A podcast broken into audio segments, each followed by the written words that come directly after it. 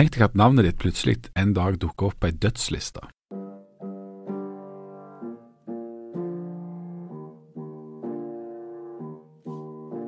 Andre som står på den lista, folk du kjenner, blir drept ute på gata med machete. Går du hjem og forteller kona di at du står på den lista? Eller holder du kjeft?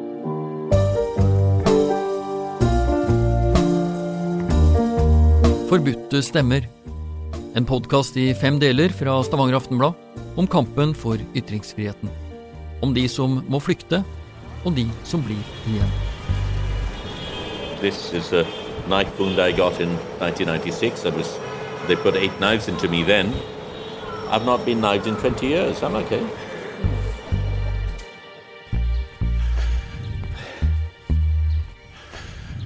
Nå er det tidlig morgen igjen. Jeg er på vei over Storhaug i Stavanger, retning flybussen. Jeg skal sette meg på et fly for å reise til neste fribyforfatter. Jeg er i utgangspunktet ikke så veldig glad i å stå opp så tidlig på morgenene. Og i tillegg har jeg knapt sovet i natt. Det ser ut til å bli ei greie når jeg skal ut og fly til byene. Så, så sover jeg ikke. Da våkner jeg sånn halv fire-fire, og så ligger jeg resten av natta og vrir og vender på meg og tenker på alt det lurer jeg bør spørre disse folka om, og alt jeg burde visst. Jeg har tatt på meg regnjakken, for her i Stavanger så er det for så vidt litt vått, men i Bergen skal det selvsagt pøsregne.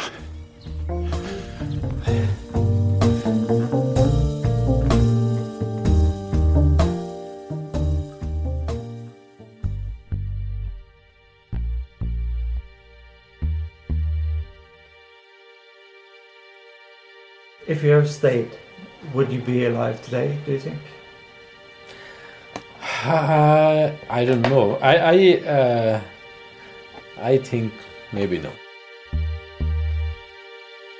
Ratan Kumar Samada var en vanlig mann fra Bangladesh, en bankmann. Men på kveldene og nettene blogga han, og bloggen ble stadig mer populær. Han visste det kunne være farlig, han brukte ikke det ekte navnet sitt, håpte han ikke skulle bli oppdaget. Men oppdaget ble han, og på den dødslista havna han. I to og et halvt år sa han ingenting hjemme. Finn, hvor mye visste du om Bangladesh før du begynte å, lese deg opp eh, på Ratan? Jeg visste at det var et sørasiatisk land, men så mye mer enn det visste jeg ikke. Mitt navn er Jan Zahl. Det siste året har kollega Finn Våga og jeg reist verden rundt og besøkt folk som har kommet i trøbbel fordi de har gjort noe vi regner som helt selvsagt, nemlig til å si høyt hva de mener om ting. Vi har møtt folk som lever i eksil i en friby, og så har vi reist til den plassen de måtte reise ifra fordi det var for farlig for dem. Eksempel til Bangladesh. Nå vet jeg at det er ca. 160 millioner mennesker. Det er et eh, rottereir eh, politisk. Det skulle være en sekulær stat som skulle da mm, ha ytringsfrihet, og alle grupper skulle være likeverdige. Men det er jo blitt et eh, strengt islamistisk regime. Det er en myriade av eh, militante grupper. De går jo løs på bloggere, de går løs på akademikere, de går løs på homofile. Og i det siste har de jo gått løs på tilfeldige utlendinger. Og så er det jo sånn at, eh, at Bangladesh altså der, der foregår helt forferdelige ting der. Men det er en sånn en plass der det foregår forferdelige ting kjempelangt vekke. Må- vi hører jo aldri om dette. Jeg visste at det var liksom et, et land langt ned- nede ved India en plass. At det er kolossalt mye folk, så, mange sånne tynne folk i sånn hvite kjoleaktig. Eh, og så var det omtrent det jeg visste. Altså, helt eh, sånn kjempefjernt. Og på en måte veldig sånne fjerne problemstillinger, men som da blir veldig nære når du skal treffe en kar som har opplevd at mange av de beste vennene hans faktisk har blitt drept med machete og har følt seg i akutt eh, fare sjøl. Og sånn havner vi i Bergen, som har gitt opphold til Ratan Samadar fra Bangladesh. I Bergen regner det. Selvsagt regner det i Bergen. Ratan inviterer oss hjem til leiligheten der han bor sammen med kona og de to ungene. En liten bybanetur fra sentrum. Kona har lagt mat til oss. Hun vil at vi skal få kjenne smaker fra Bangladesh. Hun har lagd både søtt og salt. Det smaker fantastisk, både eksotisk og kjent på en gang. Ratan og kona snakker sammen på bengali, men forstår ingenting. De smiler og ler. Det er god stemning rundt bordet.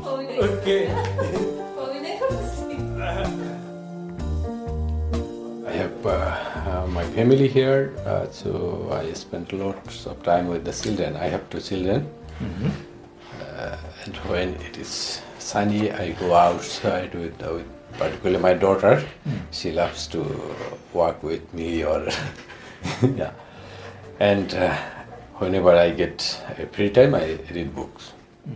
Bergen er en by der det er helt uproblematisk å blogge om sosiale eller politiske spørsmål. Det er ikke noe problem å være ateist, det går helt fint om du ikke tror på Gud. Men i dagens Bangladesh er dette kontroversielt. Ja, det er direkte livsfarlig. Om de islamske terroristgruppene kan virke primitive i måten de tar livet av folk på med store kniver, er de høyteknologiske i jakten på ofrene sine. Ratan forteller at huset hans ble sporet opp av fundamentalistene via IP-adressen på datamaskinen hans. He exact location of my house he uh, indicated in the Google map, and he gave it as a message. Han fikk ei melding om at de ville komme og oppsøke han. Det var ikke en direkte drapstrussel, men beskjeden var ikke til å misforstå. I will not kill. I will kill you. That not like Dick, but uh, I, I will see you. I will face you, or something like that.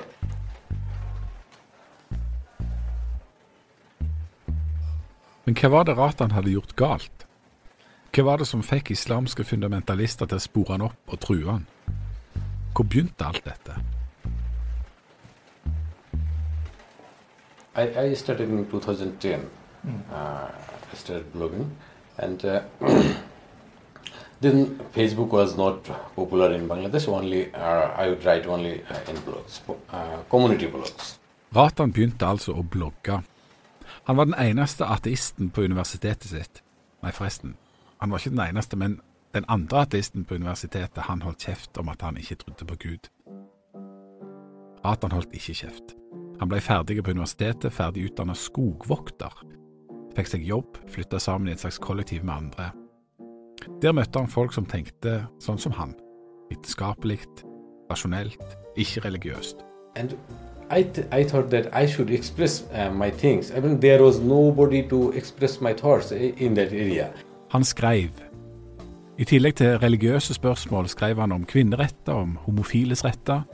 Han skrev om religiøse minoriteter, om korrupsjon, eller om den islamistiske volden.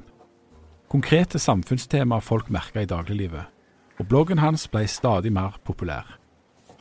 Actually, I, I am writing from the, uh, as I am writing from the society things, and that is a real problem. That is not the theoretical problem. That is real problem in, in our society, and that's why people uh, would um, love me or like me. But many people don't like you. They got upset. A lot of people was Yeah. angry. Yeah, yeah, yeah. Yeah.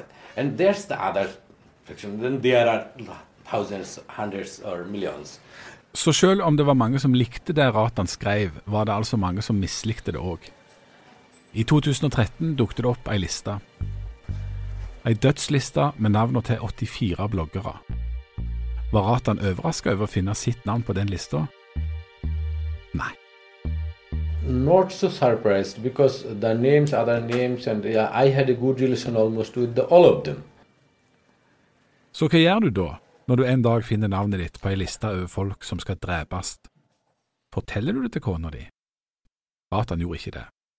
Han ville ikke at hun skulle bli redd. Og det du ikke vet, har du jo ikke vondt av, sant?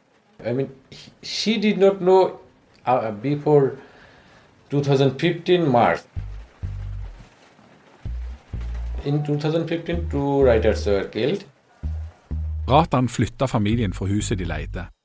Mellom 2013 og 2015 var han mye vekke. Han kunne skylde på jobben. Å være vekke fra familien i lange perioder kjentes som et rimelig offer for å holde kona og ungene trygge. Rundt han begynte folk på lista å bli drept. I mars 2015 spurte kona hvorfor han ikke kom hjem i helgene lenger. She was asking me, why are not you coming home in the weekend? Actually, and then I, I thought that I should inform her. Then I informed that uh, that I will not be able to because you know uh, I am uh, included in a list um, from 2013 but I was not able to inform you because you would be worried. Ratan fortalte kona at han sto på dødslista i mars 2015. Du lurer kanskje på hvordan hun reagerte? Vel, hvordan ville du reagert? Ratan forteller at kona brøt helt i sammen. Hun hadde prøvd å få han til å slutte å skrive lenge før hun visste om lista. Nå ba hun han om å tenke på framtida til ungene. Ratan forklarte at det var for seint, at det var umulig å komme seg av lista. Andre familiemedlemmer var like sjokkerte, men Ratan mente det var lite å gjøre, at de ikke kunne gjøre stort annet enn å vente på den dagen døden kom. Han hadde aldri tenkt at han skulle reise ifra Bangladesh, han visste ikke engang hvordan du gjør sånt, men folk rundt han mente at han burde komme seg vekk. Uh, my parents would, uh, was pressing me that you should leave uh, the country at least um, for the children. Om ikke annet så av hensyn til ungene sine. Men det fantes vel òg et annet valg, gjorde det ikke? En litt eh, feigere variant. Bare fire litt på prinsipper. Slutte å gjøre folk så sinte. You're a father of, of two, you're married, uh, you're blogging. That puts you in danger and puts your family in danger. Yeah. Um, did it never occur to you that, well, I've blogged for some years, I've said a lot of things, and now it's time to stop? No, I don't Go back to banking, go back to the forest, go back to be a quiet, nice man. yeah, well, uh, in in Bangladesh, uh, not only in Bangladesh, particularly for the Islamist uh, terrorists, if they mark you, it is for for your lifetime. I mean, even maybe they have changed. They could change uh, their decision if you join with them. I mean, like as a terrorist, maybe they, they can, you know, otherwise uh, they have no mercy things like, I mean, they, uh, if they mark you, you are marked. Det er altså ingen nåde om du først havner på terroristenes dødsliste. Den eneste måten Ratan ser for seg at navnet hans kunne bli strøket, var om han sjøl ble islamistisk terrorist, som selvsagt var helt uaktuelt. Men når det ikke finnes noen måte å komme seg av lista på, så gir terroristene i praksis heller ikke bloggerne noen grunn til å slutte å skrive eller ytre seg. Sånn sett så skyter kanskje terroristene seg sjøl i foten, om poenget var å få de taletrengte til å tie. Men i Bangladesh kunne ikke Ratan og familien bli værende, mente vennene hans. I februar 2015 ble den fremstående bloggeren Avijit Roy brutalt myrda. Kona hans ble skada i angrepet. En måned seinere var det bloggeren Washikur Rahman sin tur. En av de som så hvor farlig dette var, var Ratans venn Ananta Bijoy Dash. Han tipsa Ratan om et nettverk av fribyer som kunne gi opphold for forfulgte forfattere. Et nettverk med hovedkontor i Stavanger i Norge. Bijoy Dash hadde fått sin søknad innvilga. Han venta bare på å reise da han ble drept med kniv av en maskert gjeng i byen Sylet 12. mai 2015. He was also selected, but he, he was waiting uh, for. And uh, yeah, maybe he would be here. I don't know.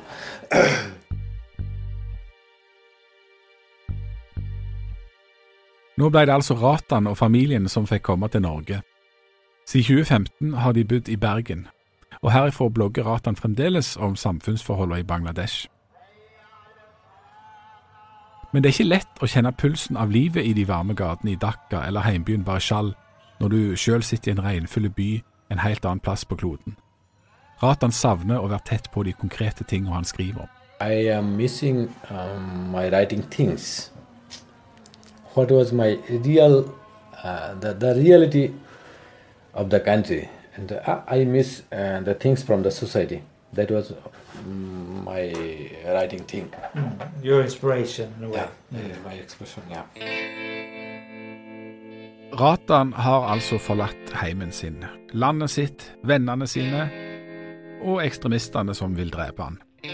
Han har reist 7000 km av gårde til Bergen, og der kan han leve sammen med familien sin og fritt gå turer med dattera si. Her føler han seg trygg. i alle fall ganske trygge, sier han. Men innerst inne likevel ikke helt trygge. Uh, it may be dangerous to me later because in Norway there are many radicals. I mean, I know. You know there are many Bangladesh Uh, no, no, not from Bangladesh, but from other countries.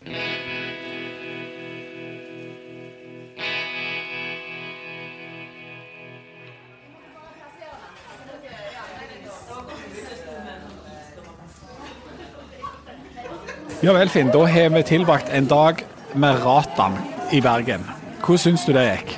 Jeg syns det gikk veldig bra. Han var åpen, sjarmerende. Og ikke minst så har han jo en kraft i forhold til det med å slåss for ytringsfriheten i det landet han kommer fra. Og det er to oppsiktsvekkende ting, må vi si. Det ene er at eh, han står altså da på en dødsliste sammen med mange andre bloggere. Det går flere år før han forteller sin kone det. Og innimellom, fra han havner på dødslista til han forteller sin kone, så må de skifte bolig flere ganger. Og han kommer helst hjem i helgene av redsel for å utsette familien for fare. Det er det ene. Det andre er at i denne regnfulle byen så føler han seg fortsatt ikke helt trygg. Altså, Han er redd for at ekstremister, også i Norge, skal kunne gjøre han og familien vondt. Hva vil du si, Jan, er det viktigste du har lært i dag?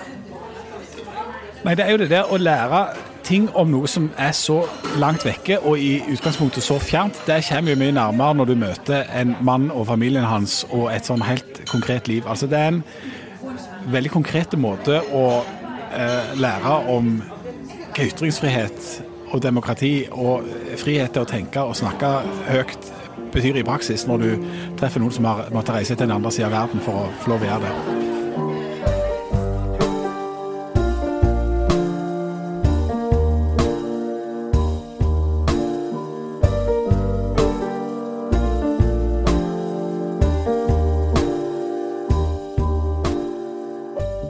Går noen måneder. Vestlandssommeren 2016 er omtrent som en kan forvente av en vestlandssommer. Samtidig har Bangladesh denne sommeren opplevd verre ting enn litt dårlig vær. 1.7.2016 går fem terrorister til angrep på en kafé i ambassadestrøket i hovedstaden Dhaka. Morgenen etter ligger der 29 døde kropper igjen. De fleste av de er utlendinger. I slutten av september sitter Finn og jeg igjen på en flyplass i trygge, fredelige Stavanger og skal til Bangladesh. Selv om noen av oss ikke nødvendigvis har særlig lyst. Hvis jeg skal være helt ærlig, så er det få ting jeg har mindre lyst til enn å reise til Bangladesh akkurat nå. Eh, Jeg vet ikke hva det er for noe. Jeg om det er alderen at jeg har fått unger, jeg vet ikke om det er, eh, om det er reiserådet fra UD, men akkurat nå jeg har bare lyst til å være hjemme i sofaen min og se på TV på kveldene. Hva tenker du? Eh, Jeg har jo lest meg opp de siste dagene og fått noen mailer. Og jeg har faktisk vurdert skal jeg fortelle Jan innholdet i disse mailene før vi går på flyet på Sola, eller skal jeg vente til vi har landa i Dhaka og det er ingen retur før noen dager etterpå.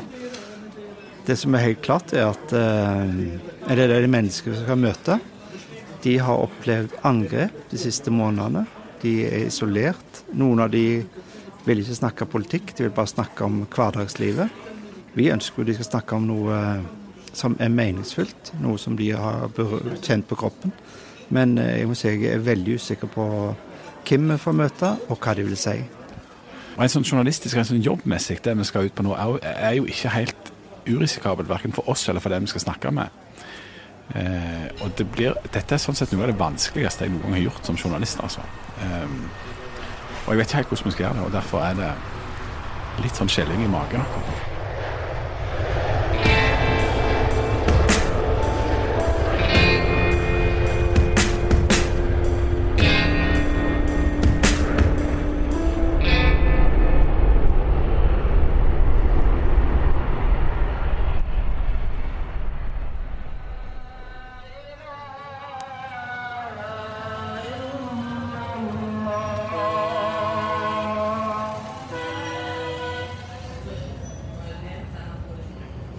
Ja vel, Finn, det brummer litt her. Hører du det? Brumminga. Tror du Folk hører det? Jeg hører brumming. Um... Det er altså fordi vi er på en båt, en, en slags elvebåt. En underlig farkost der det ligger hundrevis av folk. har lagt ut noen tepper nede i første etasje der det ikke er vindu, der det bare er et åpent dekk. Og det durer hele tida. Og det skal de gjøre nå helt fram til klokka er fire. For da er vi i Barisial, der vi skal møte en poet som er angrepet to ganger for sin eh, diktning. Og nå er han kommet etter en lang pause tilbake og begynt å skrive igjen. Så vi hører hva han sier. শুভ্রকে আমি যেসব কথা বলি আজকাল শুভ্রকেই কেবল phone করি Dette er Roman Sharif, বলি poet, en av Ratan sine venner og en del av det miljøet Ratan vanka i før han måtte flykte fra Bangladesh. Oman står òg på islamistenes dødsliste. Han møter oss i huset til noen slektninger en kjøretur på humpe til Joveia utenfor Barishal. Roman tårer ikke å få besøk av oss i huset der han nå bor. Det ville vekke for mye oppsikt. Terroristene kunne funnet ut hvor han nå skjuler seg. Diktet handler om en samtale Sharif har med en venn. De diskuterer en film. De diskuterer ei bok som heter 100 års solidaritet. Er dette sånt som kan få deg drept i Bangladesh? Sharif er en liten, tynn mann. Han ser forbløffende ung ut og snakker med lyse stemme. Men om han kan se sped ut, er han fast både i blikk, tale og tanke.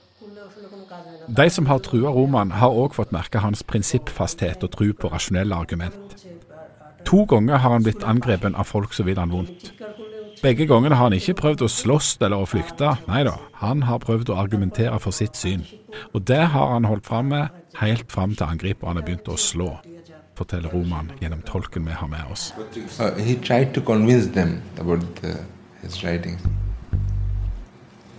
Then they started beating him On the street? on the street. And then two of his friends saved him and came and saved him from them. Roman ble altså redda av noen venner han var sammen med da han ble angrepet. Nå lever han et vanskelig liv. Han holder seg skjult, han kan ikke jobbe, han er avhengig av støtte og hjelp fra familie og venner. Men òg de som bryr seg om han er redde, for hva skjer med de om de er i lag med han ute i byen og ekstremistene går til angrep med machete? Skal vennene òg ofre seg da, for den gode saka og for den prinsippfaste poeten? Sjøl er Roman prega både fysisk og psykisk av angrepene, av volden, av truslene. Men han har altså ikke tenkt å skifte meninger eller å slutte å skrive, selv om prisen han betaler er så høy.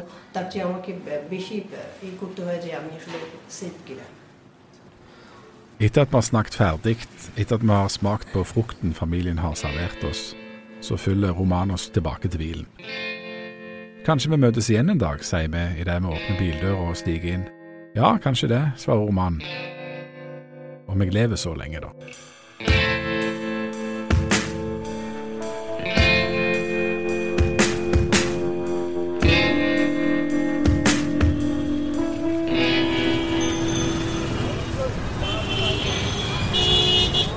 People are scared. People are scared. People are scared. They've shrunk down. They're, you know, if, if you see a little thing on Facebook uh, and you'd like to put a like on it, you decide you don't because you might get picked up and jailed uh, as a result. Uh, you do not say things. You do not express your opinion. People are no longer free in this country. Finn og jeg sitter i en bakgård i Dhaka, hovedstaden i Bangladesh. Framfor oss sitter en mann i 60-åra med grått helskjegg og fast blikk. Shaidul Alam er en internasjonalt kjent fotograf, samfunnskritiker og menneskerettighetsforkjemper. Av alle ting utdanna kjemiker fra London før han ble fotograf. Han er tydeligvis ikke redd for å si hva han mener, men så er det òg mange som er sinte på han. Skal en dømme etter alle knivarra han har på kroppen. This is a knife wound I got in 1996. I was, they put eight knives into me then. I've not been knifed in 20 years. I'm okay. I Bangladesh er du altså ok hvis du ikke har blitt knivstukken på de siste 20 åra, sier Alam, selvsagt litt sarkastisk. For dette er altså et samfunn der bloggere og profilerte samfunnsdebattanter, sånne som han, blir drept etter å ha sagt hva de mener om ting. Samtidig mener han at det er et blindspor at mediene i andre land, sånne som oss, er så opptatt av akkurat disse historiene. Det vi burde fortelle om, sier han, det er den frykten vanlige folk har for å snakke fritt. You know, international media gets interested when a blogger's been killed, when a foreigner's been killed, when um, a minority person's been killed. But the real story is that there are people dying in Bangladesh every day, people who are not famous, people whose names do not make it to the headlines. Uh, and they, I think, are the people we should really be worrying about. Um, the people we are currently concentrating on are, as you say, people who have possibilities of going in exile. They're better connected. Um, they have, uh, if things happen to them, there are people who can rally around. But the average person in Bangladesh is defenseless. Uh, and right now, the fact that the law or the lack of law in both cases are being used to uh, basically annihilate people and people have very few fundamental rights is the issue. Alam mener problemet i Bangladesh er mye mer grunnleggende enn noen muslimske ekstremistgrupper som går løs på folk. Hovedproblemet er at myndighetene ikke kan, eller ikke vil, sørge for skikkelig lov og orden i samfunnet. Certainly, we have tried to deny the fact that there has been a degree of Islamization. I think it's silly to deny that. Uh, uh, there is money involved, there are political forces involved, and it should not be uh, put down. But I think the main problem really is the government itself uh, giving complete dis- disregard to la- law and order, uh, which means that the general uh, environment of law and order has completely decayed. Um, you have um, the very forces that are meant to be involved in protecting the rights of the citizens being used exclusively for political purposes. So they, the main job of the police and RAB and whatever else is to uh, persecute opposition um, and make money for themselves. Uh, It's a bit like HIV and AIDS. Your immune system is down, so you'll be attacked by whatever happens to be around. Alam vet at noen velger, eller blir tvunget til, å forlate landet. Sjøl har han bestemt seg. Han blir værende, og han vil fortsette kampen for det frie ordet i Bangladesh. I, I have no intention of going into exile. This is my country. This is where I'll be. This is where my struggle is. And I think someone like me um, is a person in a position of privilege. I'm well connected, I'm known, I have people who support me, I'm, I'm not economically so hard up. If someone like me is not prepared to take that position, who else will? This is my country.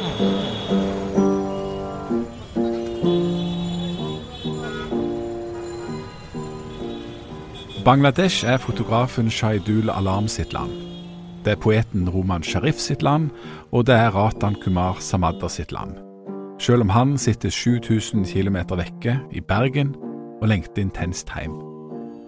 Han lengtet etter parken ved elva der han og vennene pleide å møtes, drikke te og drøse om alt mulig. Where I would live, there was a was river. I would visit that that uh, is a park beside the river. I mean, it's a beautiful park, and uh, particularly with the riders who visit there and uh, having drinking tea and other things and gossiping, and that that's, that is I, I miss much. I plassen er det altså Finn og jeg som sitter i Bangladesh. Jeg merker at jeg òg lengter hjem til Norge. Og mens Ratan ikke vet om han noen gang får se parken med kompisene hjemme igjen, så kan vi reise hjem akkurat når det passer oss. Når vi setter oss ned til en liten interne debrief på flyplassen, så tenker jeg på hvordan det ville være hvis situasjonen var motsatt. Hvis det var jeg som måtte flykte fra Norge og bo på ubestemte tid i en by som Dhaka. Jan, nå har vi vært i Bangladesh i fem dager. Du var en smule utrygg før vi reiste. Hvordan har det vært å være her? Det er veldig sterke inntrykk, må man kunne si. Eh, lukt er jo noe du aldri kommer til å få med i en tekst eller på et bilde, men det lukter altså Du kjenner i lufta at dette er noe helt annet. Eh, jeg er ennå ikke til å finne ut hva den lukta er for noe, egentlig. Det er en blanding av, av den der vanvittige eksosen av verdens største trafikkork, eh, av forurensning, av kloakk, av frisk mat, fantastiske mat. Av alle slags ting som jeg ikke aner hva er. Det er masse fattigdom. Fryktelig å se på, egentlig. Eh, men vi må ikke leve i det. Vi kan ta bilder av det og gå videre. Eh, som føles en blanding av Ja, det er litt sånn absurd hele opplevelsen, egentlig. Eh, det er jo åpenbart et land i, i, i, store problem som det er greit å reise fra, men veldig interessant å ha opplevd.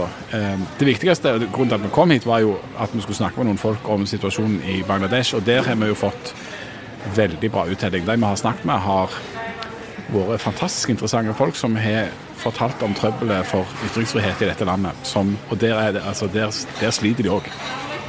Og de har jo valgt å bli noen av de, rett og slett fordi de føler en forpliktelse til å være med og bidra til en mer positiv utvikling. Men det er jo ganske betegnende at uh, dette er et samfunn som det gjelder økonomisk, har utvikla seg i en positiv retning, må en kunne si, selv med de problemene. Men ytringsfriheten, den har jo skrinnekår, og folk er jo stadig reddere for å uttrykke seg, selv i vennekretser, sammen med familie. Men er det noe som du har opplevd og sett og snakka med folk som gir et slags håp om Kan dette bli bedre? Altså, det, den fremste tingen er jo å, å, møte på sånne folk som da ikke gir seg. Sant? At de, de, de, må jo leve i dette landet, og da er det jo De må finne noe å gjøre det på, de gir seg ikke. Der, der ligger jo håpet i disse folka som, eh, som ikke gir seg. Oh, there is a huge amount of hope because the people in this country are extremely resilient. They've had to be. There are people who've given their lives for the freedom of this country. There are people who uh, are, despite all of this, uh, very much prepared. And there are activists in the streets. Yesterday, um, there was a huge number of people in the streets trying to stop this power plant from being built. And of course, uh, the government goons locked us, surrounded us, and the police came and put water cannons on people. Um, despite that, these are people who are doing it. Sier Shahidul Alam i Bangladesh.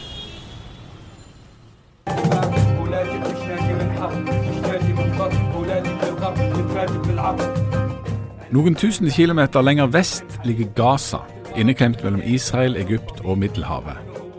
Den amerikanske rappmusikken har spredt seg dit òg, og har fått sitt eget uttrykk. Men om det kan være hardt å vokse opp i gatene i Queens eller i Bronx, så kan det være direkte livsfarlig om du er palestiner og lager politisk rapp i Gaza. Mer om det i neste episode av Forbudte stemmer.